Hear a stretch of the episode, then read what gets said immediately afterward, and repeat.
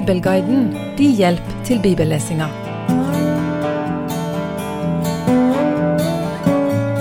Vi er midt i et slag, midt i et kapittel. Jonathan angrep med Guds hjelp listig filisternes vaktposter, og forvirringen og redselen som brøt ut, gjorde at israelittene fikk overtaket. Saul har fått smaken på seier, og han gir en ordre som for mange i ettertid har blitt oppfattet som rar eller som dum. Han nekter folket å spise. Dette blei trolig gjort for ikke miste momentet i angrepet, og jeg forstår at det er fristende å ikke stoppe opp for å spise når en tenker seg at en er så nær målet. Det kan en òg tenke seg er blitt gjort i mer moderne kriger, der en i iveren etter å ta en fiende som er på flukt, har strukket sine egne forsyningslinjer for langt. Lignende prosesser kan en òg tenke seg i mer fredelige former. At en i iveren etter å få ferdig et prosjekt, enten hjemme eller på jobb, går på akkord med andre oppgaver. Og i menighetssammenheng eller kirkesammenheng står en overfor den samme faren.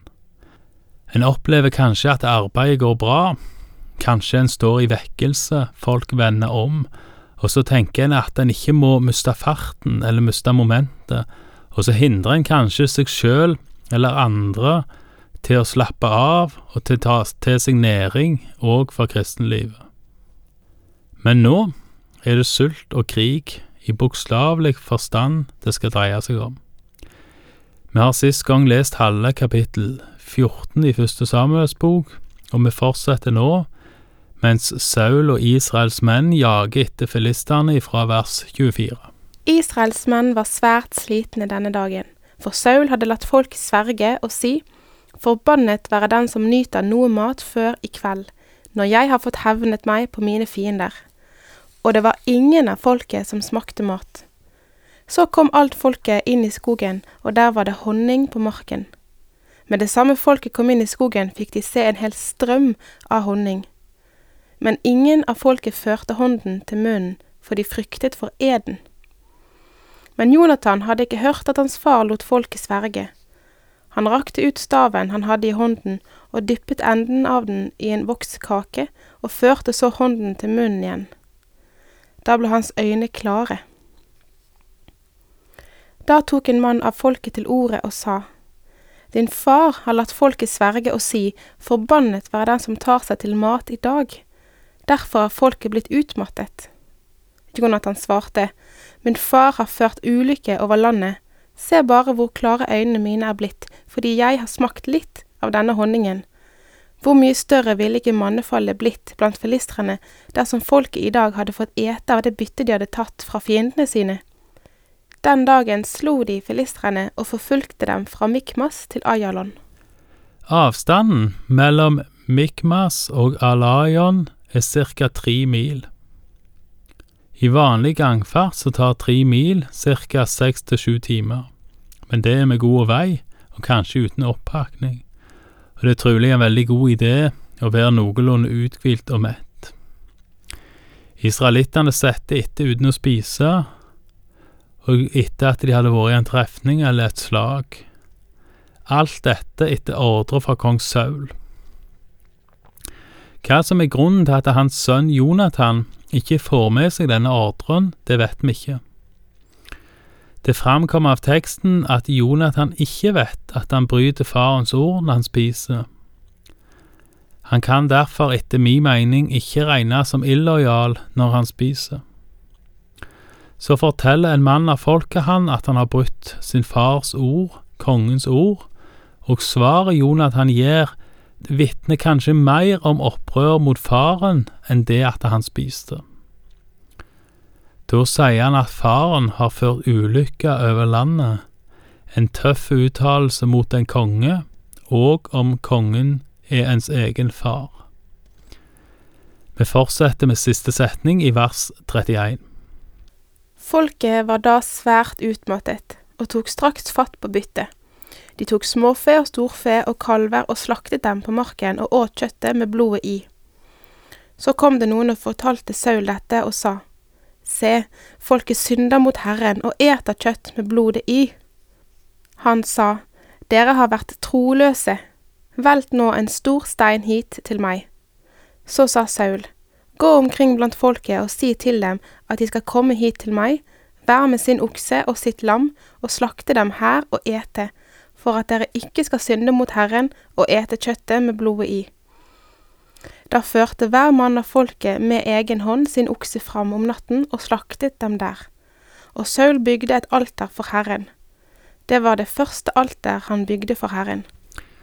Folkets synd var ikke å spise. Folkets synd var at de spiste kjøttet med blod i, en krenkelse av Guds lov. Denne loven kan en lese om i Tredje Mosebok kapittel 17, vers 10-14.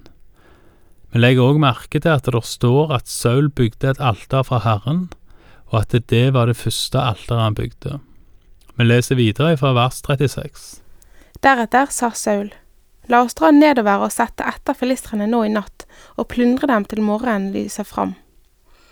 La ikke en eneste mann blant dem bli i live. De svarte, Gjør som du synes. Da sa presten, La oss tre fram for Gud. Og Saul spurte Gud, Skal jeg dra nedover og sette etter filistrene, vil du gi dem i Israels hånd? Men han svarte ham ikke den dagen. Da sa Saul, Kom fram, alle høvdinger blant folket, så dere kan få vite og se hvordan det har seg med den synden som er begått i dag. For så sant Herren lever, Han som frelser Israel, om så skylden er hos sønnen min Jonathan, skal han sannelig dø. Men ingen av hele folket svarte ham. Det at Gud ikke svarte på om de skulle sette etter filistene eller ikke, det var bakgrunnen for at Saul trodde det var begått ei synd. Legg merke til at ingen av folket svarer Saul. Vi leser videre fra vers 40. Så sa han til hele Israel, Stå dere på den ene siden, så skal jeg og Jonathan, sønnen min, stå på den andre siden. Folket svarte Saul, Gjør som du synes. Da sa Saul til Herren, Israels Gud, La sannheten komme fram. Og loddet falt på Jonathan og Saul, men folket gikk fri. Så sa Saul, Kast loddet mellom meg og sønnen min Jonathan. Og loddet falt på Jonathan. Da sa Saul til Jonathan, Si meg hva du har gjort. Jonathan fortalte ham det og sa, Jeg tok litt honning på enden av staven jeg hadde i hånden min, og smakte på den. Her står jeg, jeg må dø. Da sa Saul, Gud la det gå meg ille både nå og siden om du ikke skal dø, Jonathan. Men folket sa til Saul, skulle Jonathan dø, han som har vunnet denne store seieren for Israel, langt derifra, så sant Herren lever, skal det ikke falle et hår av hodet hans til jorden, for med Guds hjelp har han gjort sin gjerning i dag. Slik fridde folket Jonathan fra døden. Men Saul holdt opp med å forfølge filistrene og dro hjem, og filistrene dro tilbake til sitt land. Da Saul hadde tatt kongedømmet over Israel, førte han krig mot alle fiendene sine rundt om, mot Moab og mot Ammons barn og mot Edom og mot kongene i Soba og mot filistrene. Overalt hvor han vendte seg, seiret han. Han viste sin styrke ved å slå amalekittene, og han fridde Israel fra dem som plyndret dem. Sauls sønner var Jonathan, Gisvi og Malkishua. Han hadde to døtre, den førstefødte het Merab, og den yngste Mikal. Sauls kone het Akinoam, og hun var datter til Akimas. Hans hærfører het Abner, han var sønn til Ner, som var onkel til Saul. For Kis, Sauls far, og Ner, Abners far, var sønner av Abiel. Krigen mot filistrene var hard, alle Sauls dager, og når Saul så en sterk og krigsdyktig mann, tok han ham i sin tjeneste. Det er en veldig dramatikk som utspiller seg når Saul vil sette etter filistene. Først vil Saul bare dra etter dem, men presten foreslår å rådspørre Gud. Når Saul opplever at Gud ikke svarer han, tenker Saul at det handler om synd, og vil vite hvem som har synda. Saul går hardt ut og sier om sjøl det skulle vise seg å være hans egen sønn Jonathan som er skyld i ugjerningen, så skal han ikke spares. Det kastes lodd to ganger, først mellom folket og kongsslekta, og så mellom kongen og kronprinsen. Loddet faller på, kronprinsen, og kongen vil drepe han. Hvorfor Saul sa dette om at ikke engang sønnen skulle spares, vet vi ikke. Folket virker lojale til Jonathan, og de sier ikke noe til Saul. Kanskje hadde Saul likevel fått med seg hvem det kunne være. Eller så ville Saul bli kvitt sin egen sønn. Det som kanskje er mest sannsynlig, er at Saul trekker fram sin sønn som et eksempel på en helt utenfor mistanke som likevel ikke skulle bli spart om han viste seg å være skyldig. Når loddet faller på Jonathan, så vil Saul drepe han, og jeg tror faktisk Jonathan ville blitt drept om ikke folket hadde gått imot kongen. Det er spesielt det som skjer nå. Først sier folket at kongen skal gjøre som han syns, flere ganger og et par ganger så er folket helt stille på kongens spørsmål.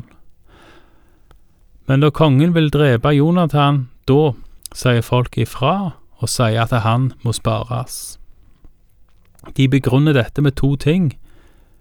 Sånn som jeg forstår det, så er de begge deler sant. Og begge deler er noe som har ha virka veldig irriterende på Saul. For det første var det at Jonathan vant slaget, og det andre var at han gjorde det med Guds vilje. Saul hadde ikke vunnet noen ting, og Gud hadde ikke svart han denne dagen.